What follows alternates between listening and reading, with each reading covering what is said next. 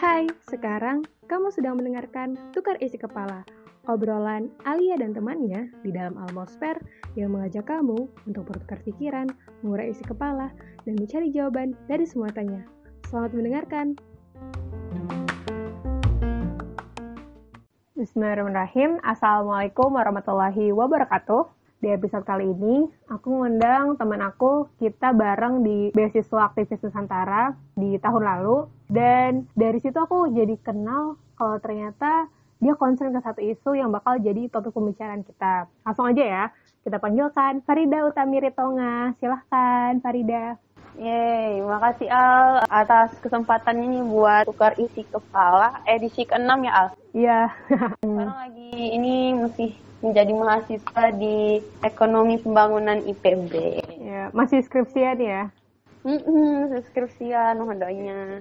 Gimana rasanya ngerjain skripsi di rumah, Far? Hmm, kalau di kampus tuh banyak teman kan Al, banyak Hmm. teman, akses wifi banyak, Hmm, terus kayak banyak teman sharing lah. iya Ya, kalau di rumah jadi kayak sendiri. Terus jadi kayak, hmm, kalau mau ketemu temen ya nggak bisa, paling online kan, Iya. kayak gitu. Jadi, tapi positifnya, eh, makan terjamin. Iya, iya bener. Uang juga nggak keluar. Uang juga nggak keluar. Aman ya? Terus aman. Terus juga sama keluarga kan. Tuh, alhamdulillah. Ya, Alhamdulillah ya. Ada positif negatifnya lah ya. Iya, semoga segeralah itunya apa skripsinya biar bisa Hmm, lanjut biar segera lanjut ke level selanjutnya ya Far apa tuh Amin, ya. Apa tuh, apa tuh Apa itu ya? Itu ya, iya aja. Eh, level kepemimpinan selanjutnya waduh berat banget ya Mm. Nah, jadi kan eh, tadi aku udah bilang tuh, kalau Farida tuh concern banget sama isu ini. Jadi kita tuh biasanya di Bakti Nusa, apalagi yang cewek-ceweknya emang sering ngobrol bareng ya. Mm-mm, sering banget tuh. BA8 sama Bakti Nusa 9 ya. Iya, karena kita satu program pembinaan. Terus ya mungkin sekarang karena lagi corona udah jauh-jauh, jadi ya, ya jarang gitu. Mm. Kemarin aku juga nggak ikutan tuh, yang ada gitu ya, nih video callan gitu. Oh ya video callan, kamu ikutan Aku ya? juga nggak ikut. Oh, iya. Dari WhatsApp deh, dari WhatsApp. Oh iya ding. Heeh. Hmm, cuma aku belum upgrade WA kan, jadi nggak bisa. Hmm, ya ya. Oke deh, jadi ini kita ngobrol berdua dulu aja kali ya, sebelum nanti ngobrol rame-rame lagi gitu. Nah, jadi kita bakal ngobrolin eh, masalah perempuan nih, isu perempuan. Karena yang aku lihat dari postingan Farida, dari keresahan-keresahan dia yang di entah yang diposting di sosmed atau yang dia bicarain, ya dia tuh concern dengan isu ini. Eh, coba deh Farida cerita dulu eh, latar belakang kamu tuh gimana sih kok bisa kayak passionate banget gitu. Aku seneng sih ngelihat semangatnya jadi tertular gitu lah. Alhamdulillah. Ya, jadi eh, selama di Bakti Nusa, yang satu tahun terakhir ini kan Al, em, aku tuh mau lagi masa mencari gitu. sebenarnya aku tuh nanti ke depannya mau eh, mau ngapain kayak gitu pasti setiap orang tuh punya pertanyaan gak sih Iya, iya. aku diciptakan buat apa Mm-mm. apa sih yang harus aku lakuin dan lain kayak gitu dan selama di Bakti Nusa ternyata diarah aku merasa terarahkan pribadi secara pribadi aku merasa terarahkan aku karena kan ada kunjungan tokoh Mm-mm. Uh, terus eksekutif mentoring kayak gitu al terus ada program-program kayak MFB Iya, iya. yang magang ke daerah 3T Mm-mm. dari situ tuh aku mulai kayak merasa oh iya juga ya kenapa aku nggak coba kunjungi tokoh terus nanya Mm. dan nggak tahu tuh ada aja ya yang Allah tanamkan gitu keresahan bahwa Mm. dan mungkin dari buku yang aku baca juga ya Mm. buku yang aku baca itu eh, selagi masih muda karya dokter Oh, Aitel Korni ya? Iya, aku juga punya tuh, tapi belum kelar. Iya, aku tuh terinspirasi banget dari buku itu. Satu kata yang dibuat gue tuh eh, tugas untuk menyebarkan kebaikan atau dakwah Mm. itu eh, apa ya? tu- Tugas laki-laki dan perempuan kayak gitu. Mm. Dan harusnya perempuan itu ya harus ikut aktif juga gitu, Hmm. dalam menyebarkan kebaikan itu. Mm. Dan satu sisi lagi aku mulai mencari kan Mm. apa sih sebenarnya yang maunya Allah, maunya Islam itu aku berperan sebagai apa? Terus Mm-mm. aku mulai nyari soal mungkin sering dengar sih sebagai ibu terus dan lain-lain tapi aku cuma sekedar dengar tapi nggak paham kayak gitu Oh iya, dan uh-uh, gimana optimalisasi perannya gitu ya? uh-uh, Mm-mm. uh-uh. Mungkin karena nggak ngerasa juga ya masalahnya apa dan belum aware juga karena umur juga mm. belum fokus ke level kepemimpinan selanjutnya juga mm. kayak gitu jadi dari situ proses yang aku jalanin pencarian itu terus aku aktif di organisasi terus di BA juga ada fasilitas kayak gitu uh, aku tuh terdorong untuk uh, merasa terdorong dan merasa resah dengan isu uh, keperempuanan hmm. secara luas. Atau kalau secara spesifiknya sekarang aku pelajari, pelajari ya. Jadi aku bukan expertnya. Hmm. Pelajari itu tentang feminisme, isu lainnya. Aku juga mesti belajar sih. Hmm. Kayak gitu. Dari semua itu sih aku ngerasa hal sih tentang perempuan yang yang perlu diperbaiki. Dan sebenarnya menurut kamu nih peran perempuan tuh apa aja sih? Dan ya sekarang tuh kayak kadang aku ngerasanya ya perempuan tuh punya difokuskan gitu bahasannya sendiri. Padahal kan kenapa nggak ya disamain aja gitu. Ada laki-laki perempuan ya udah sebagai manusia aja. Tapi ternyata enggak gitu. Dan di Islam pun e, perempuan tuh dimuliakan dengan kayak ada surat khususnya Anissa gitu ada fikih wanita. Nggak ada kan fikih lelaki gitu kan. Itu itu ustadz aku sih yang bilang ustadz aku dulu iya. ustadz aku bilang sebelum dia nikah dia tuh udah hatam fikih wanita. Katanya tuh gini karena oh. karena perempuan itu sulit dimengerti sampai ada fikih khususnya gitu. Jadi kan ya emang ternyata perempuan tuh begitu spesial untuk dipelajari gitu ya. Iya. Kalau kamu gimana nih uh, menurut kamu peran perempuan tuh seperti apa dan uh, ingin jadi perempuan seperti apa sih Farida ini ya? Aku pengen nanggapi sih yang Ustadz kamu itu. Iya kenapa? Masya Allah banget ya, maksudnya kalau seseorang yang udah paham agama, uh-uh. beliau paham, Insya Allah lah ya, udah udah paham dan mengamalkan. Insya Allah tuh beliau tahu apa yang harus dilakukan ketika berhadapan dengan wanita, mm-hmm. kan yang lain kayak gitu. Nah, lanjut lah ya. Mm. Jadi uh, yang peran itu yang aku tahu nih pastilah ya seorang perempuan itu menjadi seorang ibu. Hmm. Dan yang aku baca nih, aku tuh suka juga baca sejarah A. Hmm. Tapi nggak, aku itu nggak bisa menghafal nama dan tahunnya. Cuman aku tahu aja itu alur ceritanya. Oh, iya. Gitu. Dari yang aku baca, uh, peran seorang ibu itu sangat luar biasa ternyata. Bahkan di buku, aku kan lagi baca buku ini model kebangkitan umat Islam. Hmm. Uh, aku pernah nge-share di WA sih. Di situ tuh peran perempuan itu luar biasa gitu. Bahkan uh, ketika seorang perempuan itu diberikan amanah oleh Allah seorang anak, maka menjadi madrasah mad madrasatul ula. Ah iya ya itu hmm. uh, madrasah pertama uh, untuk anak-anaknya.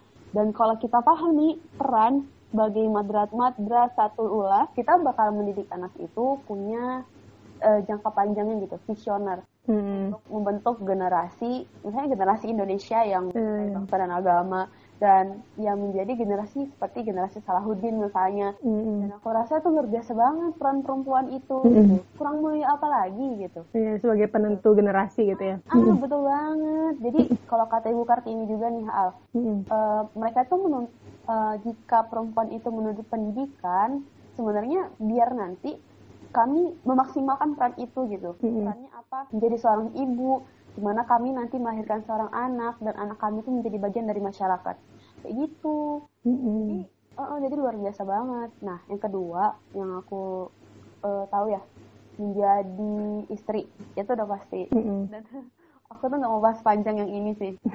Ya ya pasti menjadi seorang istri yang apa ya yang nggak menuntut kesetaraan ya sih. Tapi ya berkolaborasi keserasian. Mm-hmm. gitu yang di mana nanti kita punya visi keluarga. Nah visi keluarga itu yang kita jalankan bukan kayak ya aku kerja eh kamu kerja aku juga mau kerja kan harus sama gitu Mm-hmm. Jadi bagi peran ya, jadi ah, bagi peran benar mm-hmm. berkolaborasi. Uh, saling jadi supporting system. Uh, uh, uh, uh. Mm-hmm. Jadi bukan kayak kompetisi. Mm-hmm. Gitu dan bukan berarti nih aku misalnya nih aku sebagai seorang perempuan nanti saya aku kerja di dapur ngurus anak itu menjadi su suatu uh, job mm -hmm.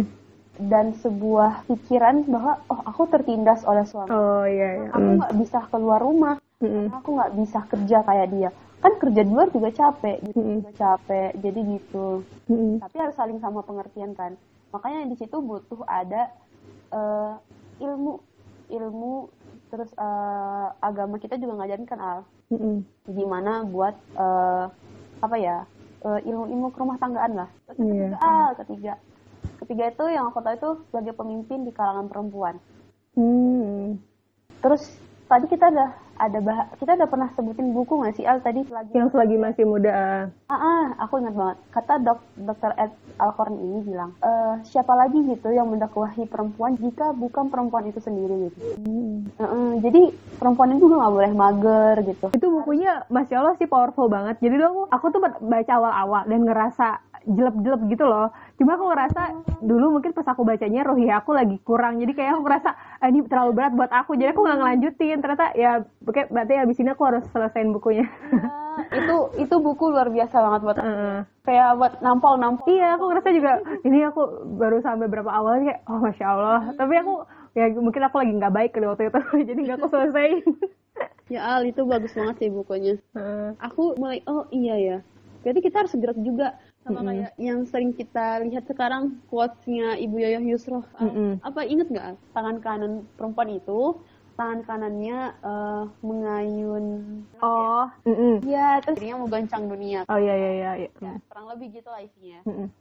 gitu jadi ya per, apa tapi ada prioritasnya peran utama itu tadi ibu dan istri yang kedua adalah tadi uh, pemimpin di kalangan perempuan mm -hmm. dan anak-anak kayak gitu jadi sebenarnya yang orang-orang mungkin ada beberapa orang kalangan yang mengkampanyekan perempuan untuk keluar, untuk muncul di publik, sebenarnya ya kenapa gitu. Padahal ya tolak ukurnya apa juga gitu. Padahal kan di Islam juga udah sangat jelas gitu. Hmm, ya, ya. Mungkin itu sih emang PR-nya kadang tuh kita apa ya terlena dengan pemikiran-pemikiran baru padahal Islam tuh sudah sangat lengkap gitu.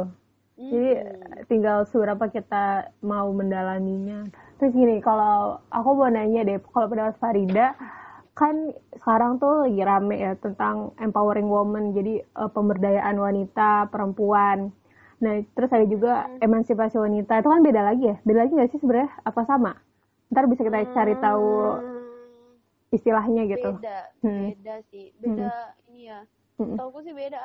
Iya, aku juga, kalau menurut kamu uh, kita ngomongin empowering empowering woman dulu deh, pemberdayaan perempuan. Itu apa aja? Kamu ngerti ini sebagai apa? Jadi uh, aku tuh kan cari tahu juga tuh, mm-hmm. mencari sosok teladan gitu. Mm-hmm. Kalau misalnya zaman sekarang mungkin ada kayak banyak sebenarnya, kayak Profesor Eis, Mm. Terus juga ada Ibu Yoyo Yusro. Iya. Yeah. Ya, aku baca tuh bukunya. Uh, aku minjem buku itu. Mm. Kan tipis tuh. Mm. Kali duduk tuh memang aku baca baca cepat sih. Dan mm. itu menginspirasi banget isinya. Mm. Termasuk juga di zamannya Rasulullah, misalnya Ais, uh, Bunda Aisyah, Bunda Khadijah yang luar biasa lah ulama perempuan Bunda Aisyah, mm -mm. Bunda Khadijah yang seorang apa ya pengusaha Terus kalau misalnya di Indonesia sendiri itu juga banyak kan Al? Mm-mm. Ibu Rahma Elunisia, ada pernah baca nggak Al? Belum tahu tuh. Itu siapa beliau? Yang ini yang tokoh uh, perempuan dari Minang, tanah Minangkabau. Oh iya iya. Oh ya kamu juga review-review itu ya tokoh-tokoh?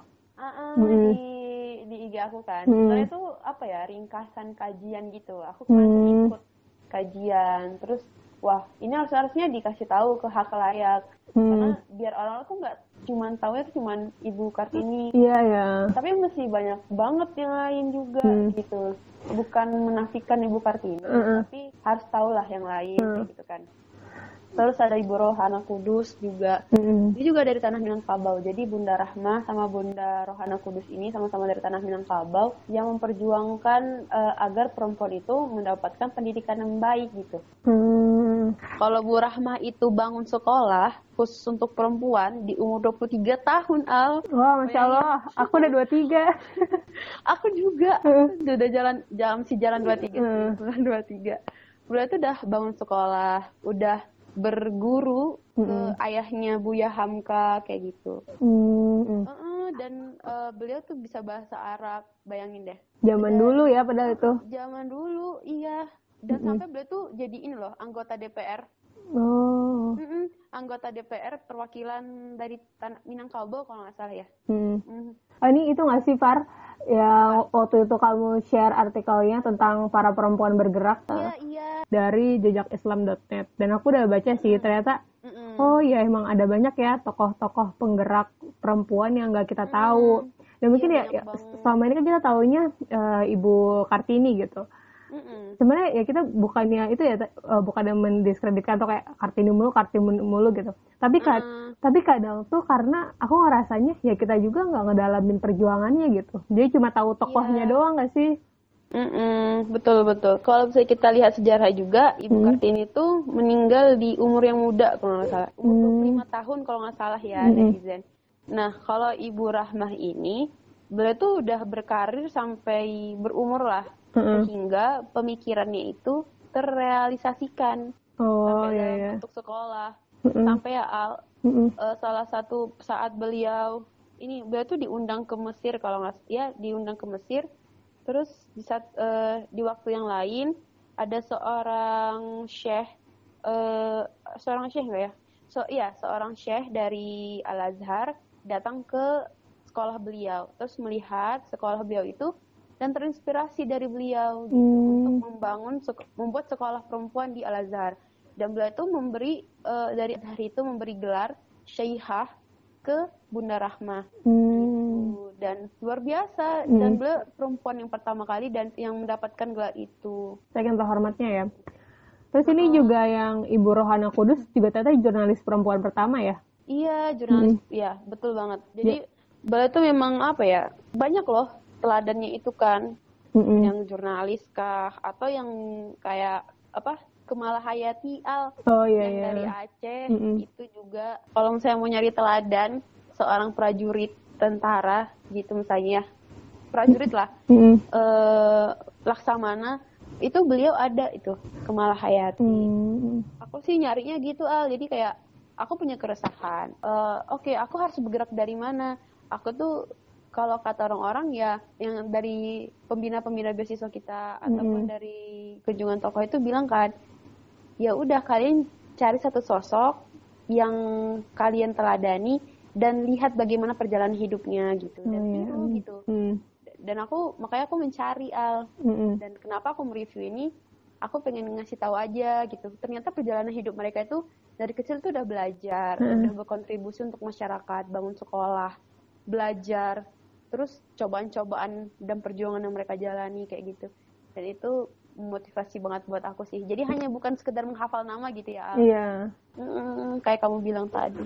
Ya kadang bener sih aku juga pernah eh, pernah kepikiran misalnya pengen gitu belajar dari ya dari siroh dari biografi orang-orang. Hmm. cuma belum kesampaian aja.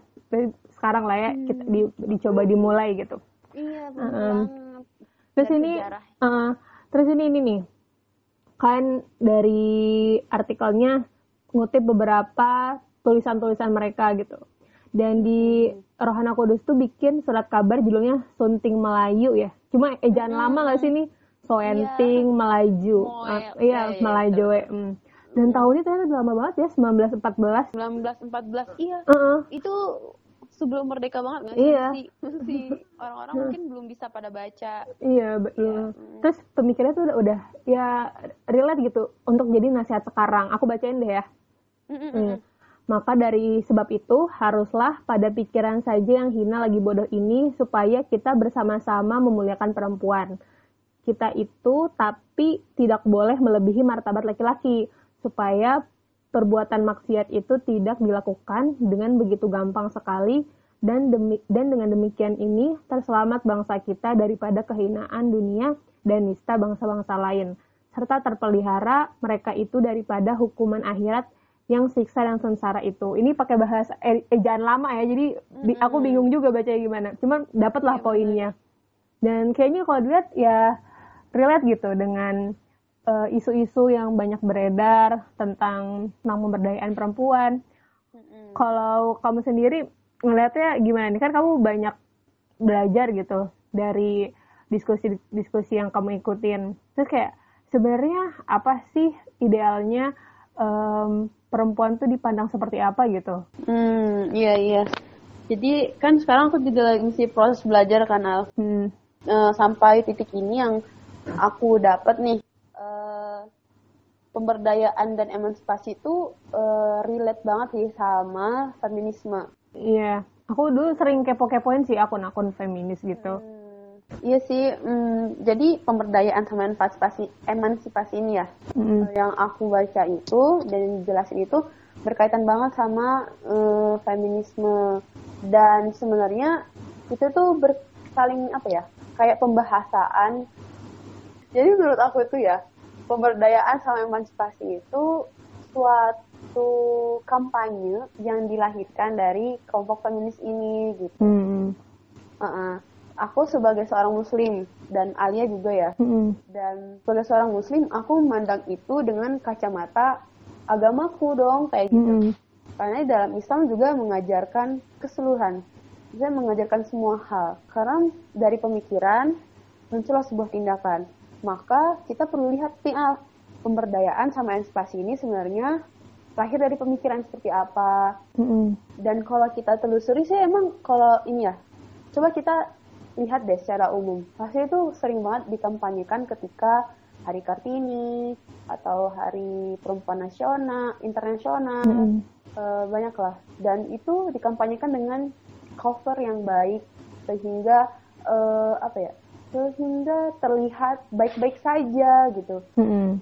Tapi kalau misalnya kita lihat lagi lebih e, lebih teliti lagi, kita akhirnya mungkin ya akhirnya tahu bahwa gerakan itu uh, sesuai dengan apa yang Islam Allah ataupun Allah inginkan kayak gitu. Kalau aku gini sih, uh, kalau aku ya Far, malangnya ya kita sekarang kan emang banyak konsumsi konten kayak ya perempuan tuh harus uh, berpendidikan tinggi gini gini gini. Dan itu kan kita setuju ya itu positif. Cuma kan kadang uh, ya kadang ada juga yang banyak nuntutnya gitu. Apalagi aku hmm. ngerasain feminis yeah, tuh nuntutnya banyak. Apalagi ini setelah setelah dibaca ternyata emansipasi itu ya pembebasan dari perbudakan persamaan hak dalam berbagai kehidupan masyarakat. Itu kalau dari KBBI-nya dan ini sedikit uh, sharing aja kali ya. Kemarin tuh aku cerita yeah. Sama umiku aku diceritain sama umiku gitu. Ya emang ada beberapa um, kultur di masyarakat yang di suku tertentu gitu yang ternyata kedudukan laki-laki sama uh, perempuannya tuh gak imbang banget gitu. Jadi kayak uh, keluarganya kaya. Laki-lakinya misalnya uh, punya duit banyak bisnisnya hebat gini bla bla pokoknya superior banget. Sedangkan ternyata perempuannya ya, ya cuma ngurus di dapur kasur sumur aja gitu. Udah bener kayak gitu. Jadi nggak um, pede nah aku tuh mikirnya oh ya jadi pemberdayaan perempuan tuh ya bekerjanya di situ gitu gimana perempuan tuh bisa punya hak belajar, punya hak mengutarakan pendapat, ya itu bagus gitu kita dukung. Cuma kan kadang aku ngerasa, cuma kok uh, ke sini-sini kok jadi ke mana-mana ya. Terus itu sih yang mungkin dari feminisnya tuh yang kayak aku rasa feminis ini emang luas banget gitu. Kalau misalnya kita belajarnya nggak utuh, misalnya nerimanya cuma beberapa hak ya itu tadi benar. Kalau kita nggak ngebentengin dengan Islam dulu gitu ya itu hmm. bisa bablas gitu nggak sih? Aku ngerasanya ya mungkin karena kita gitu. Alhamdulillahnya kita dapat kesempatan yang baik gitu untuk belajar uh, sekolah tinggi gitu. Jadi alhamdulillah. Tapi kan kadang aku rasa oh mungkin aku nggak ngelihat kasus di kasus-kasus perempuan-perempuan lainnya kali ya yang ternyata mereka nggak punya hak itu gitu. Jadi ya sebenarnya yeah. kok kita kan setuju aja kan sama pemberdayaan hmm. perempuan gitu cuma itu hmm. sih kuncinya sih aku ngerasa kayak gitu iya jadi kayak tadi tuh uh, misalnya kalau kita lihat nih ya pemberdayaan hmm. wanita yang saya yang kamu sharing sama umi kamu itu udah enak banget gitu ya ada tempat sharing dan lain hmm. tapi gimana kalau teman-teman yang uh, dapat ilmunya itu dari uh, Instagram misalnya Al mm-hmm. atau dari hanya dari beberapa slide uh, di Instagram dengan secara singkat dan itu uh, kurang apa ya kurang tepat sih cara mm-hmm. untuk mencari tahu gimana pemberdayaan wanita itu emansipasi wanita dan menurut aku bener banget Al aku setuju sama kamu bilang kita tuh harus ada benteng ya mm-hmm. dan yang aku tahu itu uh, bentengnya itu adalah worldview Islam apa ya ya worldview Islam cara pandang Islam kayak gitu jadi uh, kalau misalnya mau tahu lebih itu bisa baca buku atau ikut kajian gitu di Insis. Tahu Insis nggak? Oh, tahu tahu. Aku follow juga kayaknya. Oh. Keren-keren sih kajiannya. Uh, uh, dan menurut aku, aku juga dulu belum belajar. Hmm. Aku juga dulu masih bingung banget. Setidaknya aku juga nih, aku juga belum banyak banget. Tapi setidaknya aku tahu kenapa aku ngikut ke situ dan aku yakin gitu. Hmm. Iya, aku kan masih tipe follower ya. Mm-mm. Karena masih dalam tahap belajar. Tapi kita sebagai follower pun harus apa ya, harus pintar gitu. Kita tuh mau ngikut ke mana. Jadi ketika kita mau tahu pemberdayaan wanita, emansipasi, jangan sampai kita mengkampanyekan sesuatu yang salah gitu. Nah, kalau aku tuh Far kadang ya sebenarnya aku tuh dulu ya sering lah baca-baca tentang perempuan, terus kadang kepoin juga tentang feminisme, tapi nggak sekonsen kamu gitu. Jadi aku kayak ya udahlah, uh, sekarang aku tahu aku jadi lebih aku ngerasa aku juga lebih abai gitu sama isu ini. Jadi ngerasa ya udah aku fokus aja ngebenerin diri aku terus yang aku bisa lakuin apa. Tanpa karena aku ngerasa karena aku mungkin karena orangnya plekmatis ya. Sedangkan hmm. di media tuh kadang ya banyak perseteruan perseteruan kan. Yeah. kayak jadi saling saling menyalahkan gitu. Uh, ada feminis yang nyalahin aturan-aturan Islam terus kadang juga itu nggak sih? Kadang main-mainin adalah dalil-dalil tuh diambil se, dicomot seenaknya gitu. Terus jadi kayak ah uh, jadi kadang aku ngerasa ada uh, belum ada titik temu gitu. Misalnya jadi kadang bahkan muncul juga feminis Islam. Jadi kayak kan takutnya nih ketika ada orang yang baru belajar Islam atau misalnya juga um, men menginginkan pemberdayaan perempuan terus ada muncul figur-figur feminis Islam. Jadi ya udah mereka ngikutin sedangkan ternyata pas dilihat-lihat lagi ya nggak ada fem, ya, feminis dalam Islam gitu ya Islam tuh suatu ideologi yang uh, udah lengkap gitu jadi kadang hmm. nggak hmm. tahu sih mungkin orang mikir radikal nih radikal gitu kan padahal ya semua aja hmm. semua aja disebut radikal padahal yeah. jadi kadang uh, ya, aku bingung gitu loh uh, ngejelasinnya gimana misalnya ke temen gitu karena ya emang sih kita nggak bisa uh, apa nggak bisa kita pungkiri gitu banyak kasus-kasus hmm. yang kalau dipikir-pikir ya ya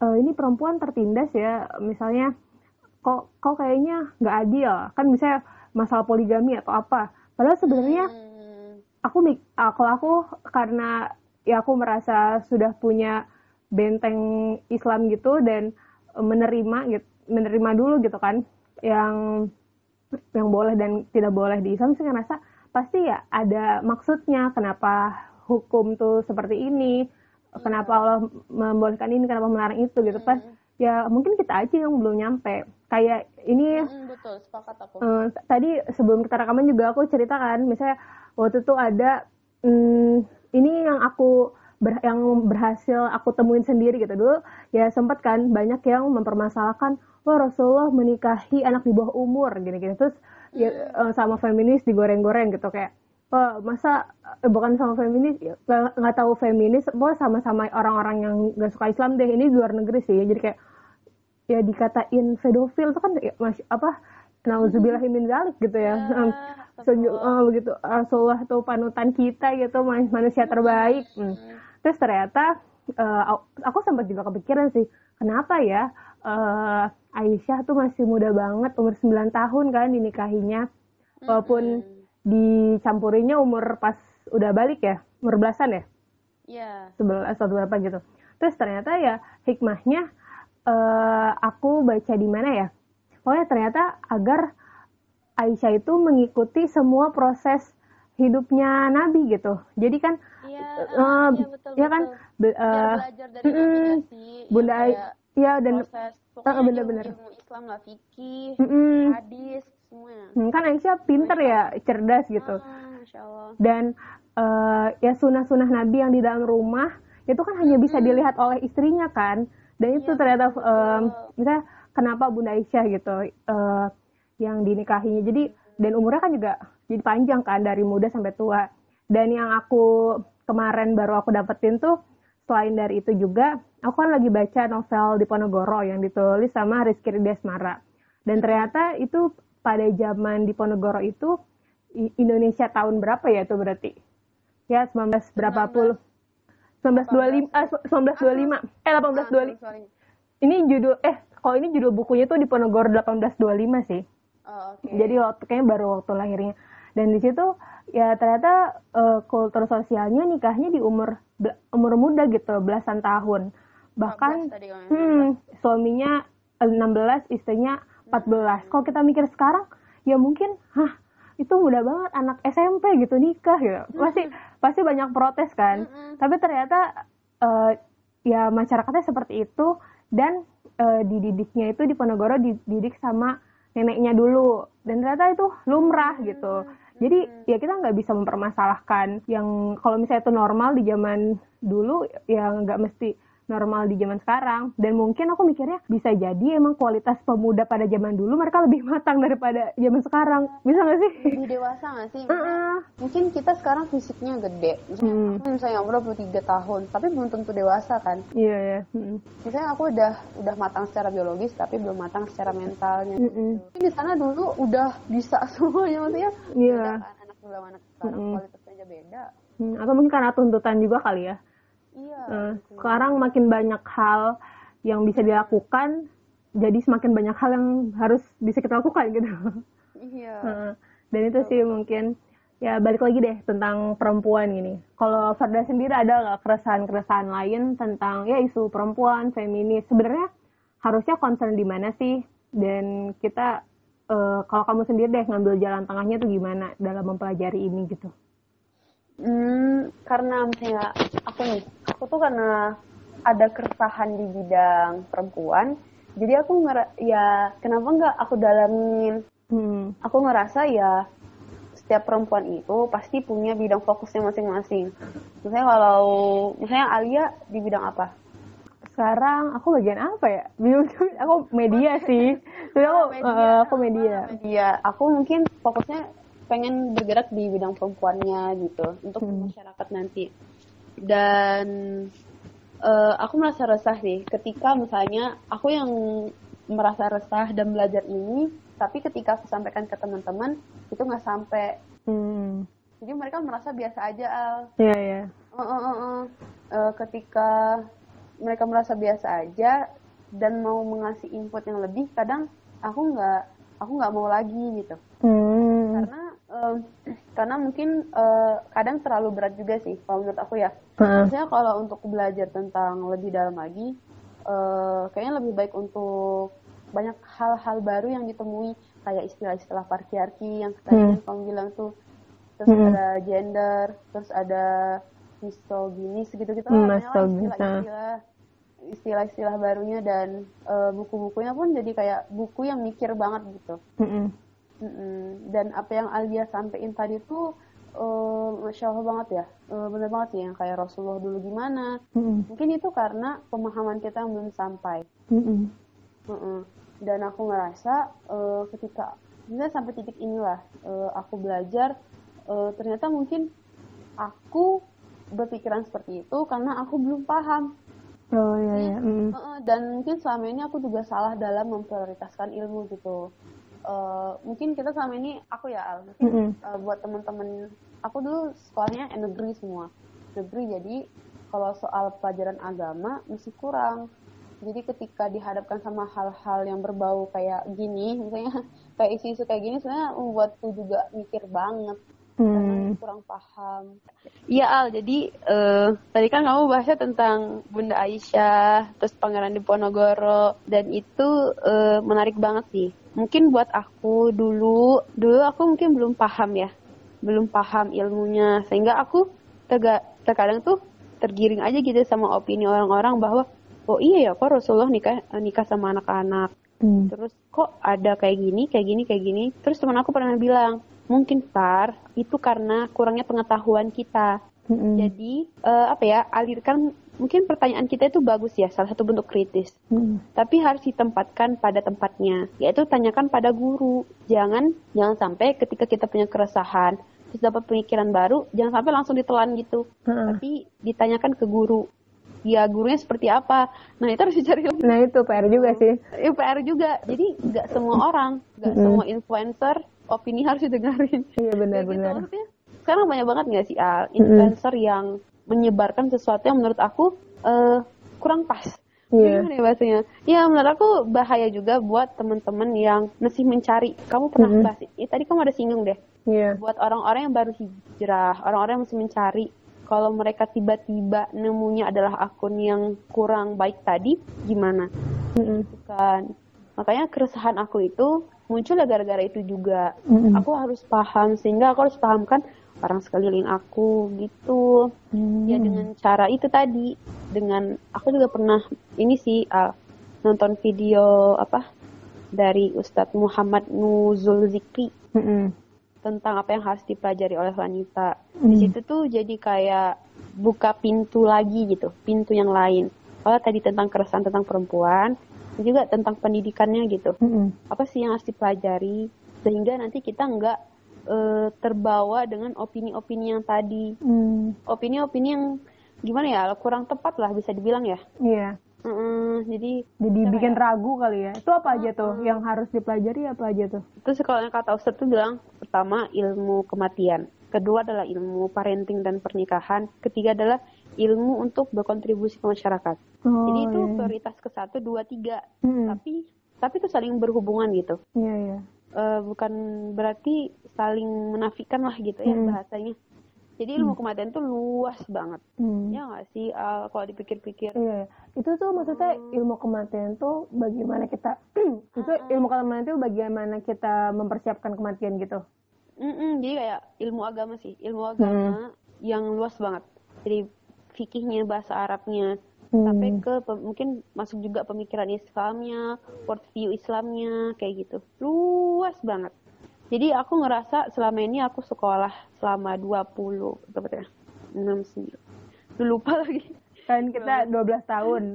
apa 16 ya. 16 ya. Nah, sama 16 tahun aku belajarnya tuh kayak cuman matematika, IPA, IPS. Hmm. Uh, bahasa Inggris, terus bahasa Jerman, terus ya gitulah yang ilmu-ilmu umum mm-hmm.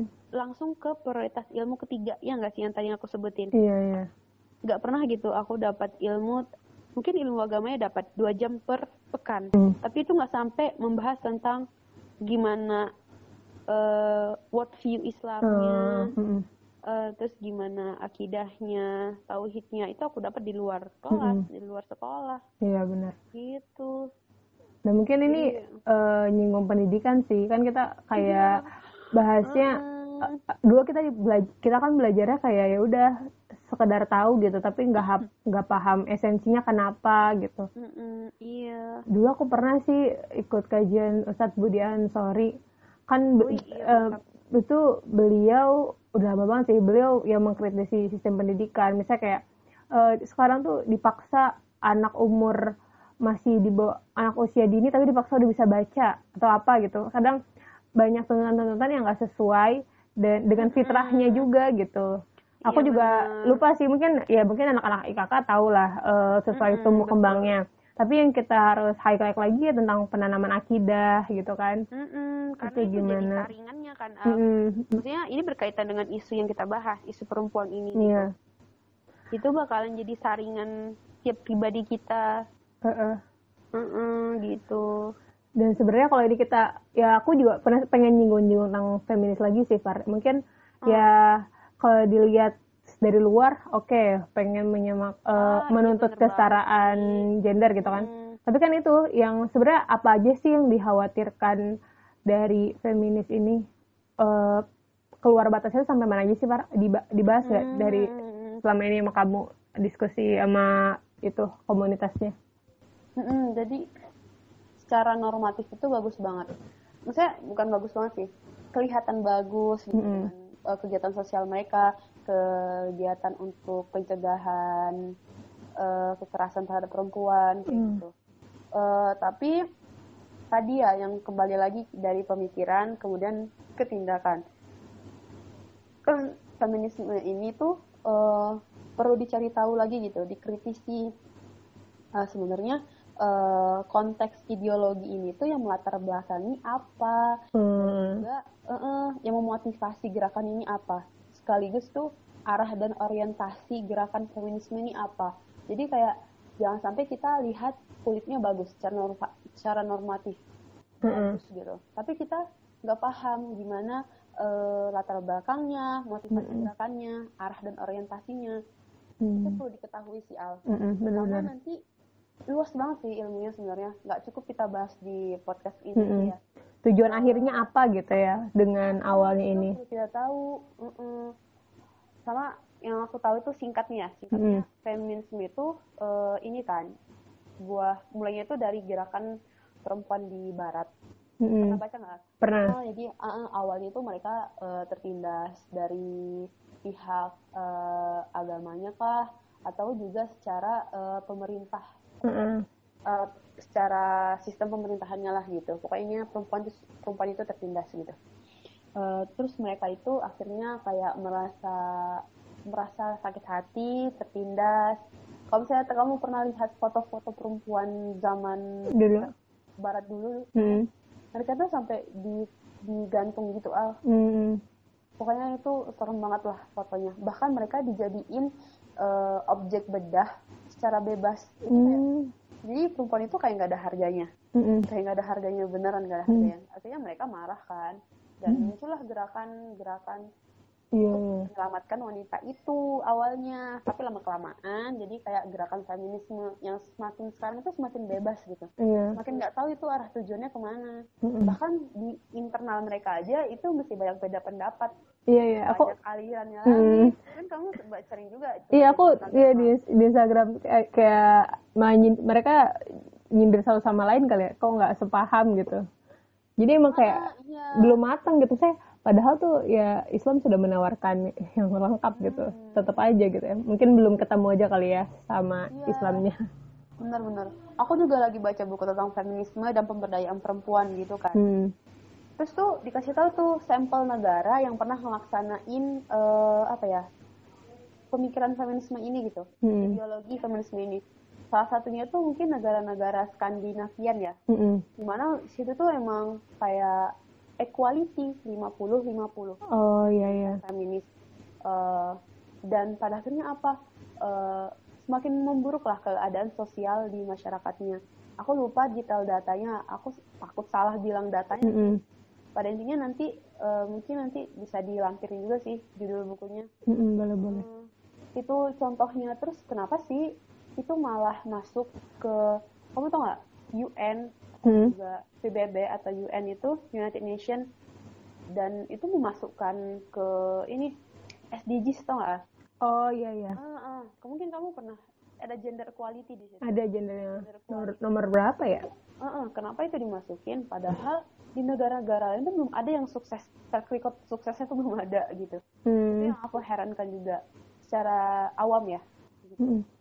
Terus itu kan sebenarnya feminisme itu kan dari gerak apa ya sakit hatinya perempuan di barat, tapi mm -hmm. kenapa dijadiin solusi secara mendunia gitu? Iya. Yeah, yeah. Menurut itu dengan SDGs itu kan patokan pemerintah untuk pembangunan kan. Mm -hmm. Mm -hmm, aku tuh ngerasa aja ya kenapa sih itu jadi solusi lokal untuk menjawab krisis ketidakadilan gitu yang menimpa wanita mm -hmm. di seluruh dunia kan itu cuma untuk wanita barat gitu tapi walaupun tadi kan ada beberapa kasus yang di budaya kamu bilang tuh mm -hmm. uh -uh. tapi kan tadi bukankah kita punya solusi yang mungkin ya dengan cara culture-nya Indonesia gitu mm. dan agama kita gitu deh aku tuh masih merasa apaan sih gitu uh, kalau aku ini sih par uh, aku tadi ter apa ya aku tadi tergugah yang pas kamu bilang tiga peran perempuan gitu kan kalau kalau yang pertama awalnya istri ibu oke okay lah itu bisa diterima semuanya gitu hmm. uh, terus yang ketiga tuh yang tadi yang sebagai muslimah yang mengajarkan muslimah-muslimah lainnya ya jadi kayak hmm. jadi dai lah di situnya ya hmm. terus mungkin ya selama ini perempuan banyak yang rasanya ya udah um, dia mentoknya udah sebagai ibu dan ibu yang hanya ya udah yang hanya melahirkan aja gitu maksudnya hmm. sebagai pendidiknya tuh lupa gitu, luput mungkin. Hmm, oh kayak gini Far misalnya. Kan kadang banyak tuh yang mempertanyakan, jadi ibu rumah tangga atau jadi wanita karir. Terus kayak itu selalu dipertanyakan, diulang-ulang, dibahas di mana-mana, kayak nggak selesai gitu loh menurut aku. Pada waktu aku pernah baca uh, di question Instagram story-nya kalau nggak salah ke Kurniawan Gunadi, uh, dia jawabnya mungkin antara kesel atau gimana, dia jawabnya kayak gini, halo zaman segi uh, zaman kayak gini masih nanyain itu. Nah menurut aku itu bukan suatu hal yang harus di saling dikontradiksikan gitu. Karena ya aku ngerasa ibu aku wanita karir yang kerja dari pagi bahkan sampai malam gitu. Uh, tapi aku ngerasa mendapat kasih yang cukup. Peran ibunya tuh masih full time jadi nggak ada istilah part time mother tuh nggak ada gitu. Ya hmm. seorang ibu tuh ya full time gitu. Jadi dan bahkan ya ibu rumah tangga tuh tidak serendah yang dipikirin atau yang di uh, frame kan gitu justru itu tugas hmm. mulia dan itu tugas wajib lah itu sih yang kadang aku hmm. gemes aja sih kok masih aja kayak seolah kadang mungkin um, kan feminis juga nuntut masalah di kerjaan ya perempuan dalam berkarya dalam bekerja iya, iya, ya iya. padahal itu um, tergantung gimana kita melihat peran itu sih mungkin ya dilihatnya kayak ya ibu rumah tangga di rumah aja cuman beres-beres atau apa. Mm -mm. Padahal ya hmm. ya kalau di rumah dia belajar baca buku dan aku ngerasa mm. itu banyak banget loh yang bisa. Uh, dan terus itu dia ngajarin anaknya itu penting banget sih. Mm -mm, bener-bener.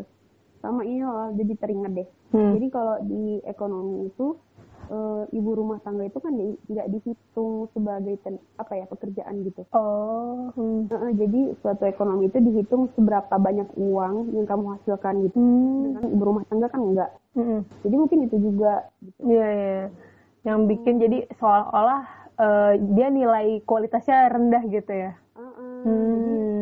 Padahal emangnya sih kamu bilang tuh ya aku juga belum nikah belum ngerasa mm -hmm. juga ya cara ini kan teorinya di lapangnya beda yeah. Iya. uh, jadi uh, prioritas utama itu berarti kan tadi yang kamu bilang jadi seorang ibu dan seorang istri gitu mm -hmm.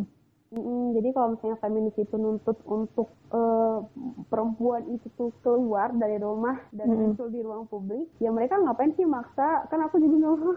Iya iya. Yeah. aku pribadi juga nggak mau gitu. Aku jadi uh. mempertanyakan sebenarnya mereka memperjuangkan perempuan yang mana sih gitu. Mm, yeah, yeah. Sampai kadang ya kalau misalnya kita mikir mereka bilang perempuan itu tertindas. Mm. Makanya kalau mau lebih lengkap ya, misalnya kita aku juga nggak bisa jabarin lebih banyak karena aku juga mesti belajar, Alia juga. Mm. Mungkin nanti bisa ikut kajian-kajian di bisnis gender hmm. di Instagram itu banyak banget. Hmm.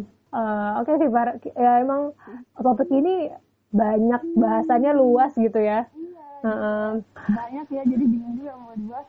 Iya, dan kita juga emang kita bukan ahlinya masih belajar, cuman hmm. ya aku senang sih misalnya dari obrolan ini jadi jadi apa ya lebih aware gitu. Seenggaknya ya pengen kita sebagai perempuan ya juga tahu. Ya, menurut aku sih kalau untuk sekarang kita tahu peran kita dulu tuh apa gitu. Hmm. Kalau sekarang mungkin sebagai anak ya, sebagai anak hmm. dan nanti jadi sebelum jadi istri jadi ibu dan menurut aku peran utamanya tuh kalau dilihat ya, ini peran yang di luar sebagai dalam keluarga yaitu peran keluarnya gitu sebagai muslimah di masyarakat yang mungkin hmm. terlupakan gitu dan ini kan sekarang masih bisa kita lakuin gitu sebelum kita jadi istri sebelum jadi uh, ibu ya ke masyarakatnya itu sih yang harus kita uh, ya usahakan gitu karena kalau misalnya ya kita lihat aja deh sekarang peran kita sebagai mahasiswa kita kan juga punya tanggung jawab sosial gitu kan ke masyarakat hmm. apalagi kita sebagai muslim gitu sebagai dai oh, masya allah berat ya hmm. uh, gitu deh aku jadi ingat bakti nusa gitu. Uh, gitu untuk kontribusi untuk umat masya allah. Oh berat sekali. Tadi, ya, inilah lulusan bakti nusa ya. Uh-uh.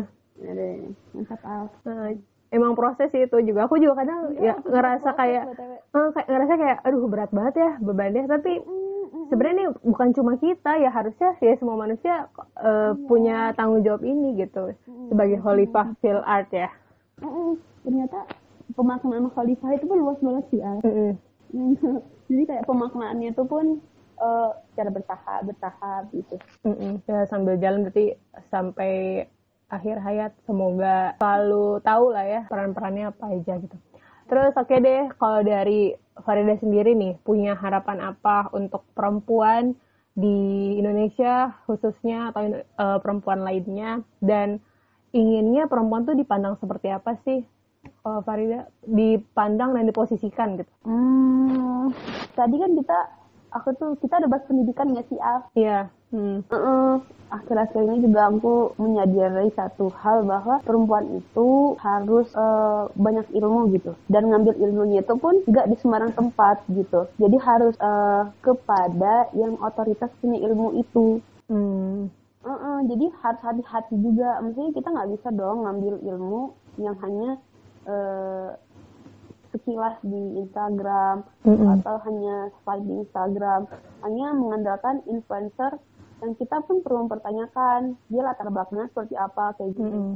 jadi kita sebagai seorang perempuan harus punya ilmu untuk nanti menyaring apa ya menyaring semua itulah gitu. Mm -mm. tadi kan kita udah bahas juga tuh ilmunya. Kayak gitu. Terus yang kedua kita harus apa ya tadi uh, aku tuh kenapa pengen ikut pengen gabung podcastnya Alia juga mm-hmm. pengen nyampein keresahan juga gitu mm-hmm. keresahan dan saya yang lagi juga terdorong untuk belajar tidaknya paham lah dan oh iya gerakan ini tuh gak baik gitu mm. yang udah menawarkan yang lebih baik dan aku pengen walaupun itu ya buat yang nggak mau concern di perempuan tidaknya tahu itu mm-hmm. paham itu terus yang ketiga pengen bilang sih walaupun aku belum nikah iya jadi mungkin aku jadi kayak terkesan omong doang gitu ya. hmm. karena kan ini masih teori maksudnya aku belum punya pengalaman hmm. Ya kita tuh harus paham kita tuh nggak hanya sekedar tahu hmm. tapi harus paham akan peran perempuan itu gitu hmm. bertahap sih memahamkan dengan diriku maksudnya aku juga pribadi bertahap kan memahamkan oh iya Far nanti kamu itu uh, peran utamanya adalah sebagai seorang istri dan ibu jadi pekerjaan di luar itu ada prioritas kedua kayak gitu hmm. jadi ilmu-ilmu yang aku siapkan sekarang terus ya niatkan aja untuk itu keinginannya Allah apa ya menjadi peran itu tadi hmm. Peran ibu dan istri itu kan Al. Sama jangan lupa emang penting banget sih Al tadi yang kamu bilang kontribusi ke masyarakat. Itu di BA kayaknya sering banget ya di gaung-gaungkan hmm. pokoknya yang penting jadi perempuan yang nggak malas baca juga. Oh iya benar-benar. Jadi sama bacanya jangan yang maksudnya setelah udah aku juga dulu bertahap. Hmm. novel dulu. Aku cuma saya harus ningkatin apa ya uh, ningkatin kualitas buku aku gitu. Hmm. oh ya. iya bertahap bertahap bertahap kayak gitu. Kayak gitu deh. Banyak oh. sih. Oke Far iya sih emang ini bahasan yang menarik gitu. Selalu hangat untuk dibahas dan kayaknya emang bakal panjang gitu. Dan isi poinnya sih memahami peran. Kalau aku tuh ngelihatnya ya apa ya ini nanggepin misalnya keinginan-keinginan perempuan untuk di publik yang nggak salah gitu toh perempuan tuh juga emang dia uh, punya kemampuan kan dari feel, lebih peka gitu apa apa tuh jadi yang menurut aku sebenarnya kalau uh, generalnya ya ya kenali kenali diri lagi kenali potensi gitu. Tapi tetap tahu tugas utamanya gitu. Misalnya sekarang ya kita uh, kita keluar kita keluar rumah tapi kan kita juga di rumah uh, posisi sebagai anak gitu misalnya harus berbakti sama orang tua gitu gitu jadi ya mungkin nanti juga dan ya bener sih. Tadi kan Farida uh, bilang gitu walaupun belum nikah tapi mau ngasih uh, saran-saran ya. Ya aku juga pernah sih baca-baca tentang ya kayak aturan-aturan uh, kalau istri itu harus kayak gimana buat jadi istri yang solehah gini. Tapi kalau lihat berat juga ya, memang itu uh, dan kalau ada kan hadis yang ketika perempuan itu sholat lima waktu, puasa di bulan Ramadan, dan dia menjaga kemaluannya dan taat kepada suaminya, ia bebas masuk uh, surga lewat pintu mana pun. Itu kan masya Allah banget ya, itu uh, powerful banget. Dan kalau dilihat sebenarnya dari sekian banyak nggak banyak sih, misalnya sekian syarat itu kalau dilihat kan kita telah melakukannya semua nih. Eh, eh kalau misalnya kalau misalnya kita belum nikah nih, eh kalau misalnya kita udah nikah, cuman kayaknya susah emang tuh untuk taat kepada suaminya. Itu jadi poin sendiri gitu loh aku ngerasanya. Nah itu sih. Iya, uh -uh. karena kan peminat kita sering bilang nggak sih ah hmm. um, kopi sama aktivis digabungin digabungin nih hmm.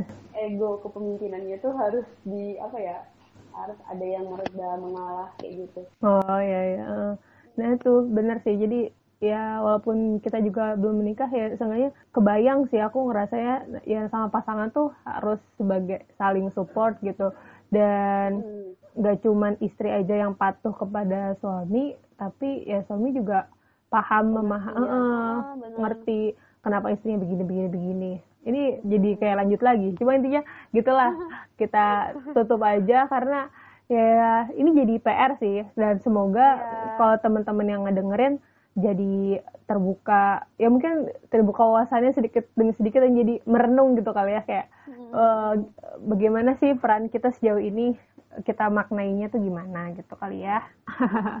Oke, okay. Terima kasih Farida udah sharing bareng ditukar isi kepala. Ini benar-benar kita itu ya ngeluarin isi kepala kita ya. Iya betul. Maafin juga nih kalau misalnya ngomongnya apa ya loncat-loncat. Ah, wajar lah ya. Isi kepalanya isi kepalanya banyak ya, Far. Aminin aja. Uh, Oke, okay, kita sama-sama belajar ya. Kita tutup aja deh langsung. Wassalamualaikum warahmatullahi wabarakatuh.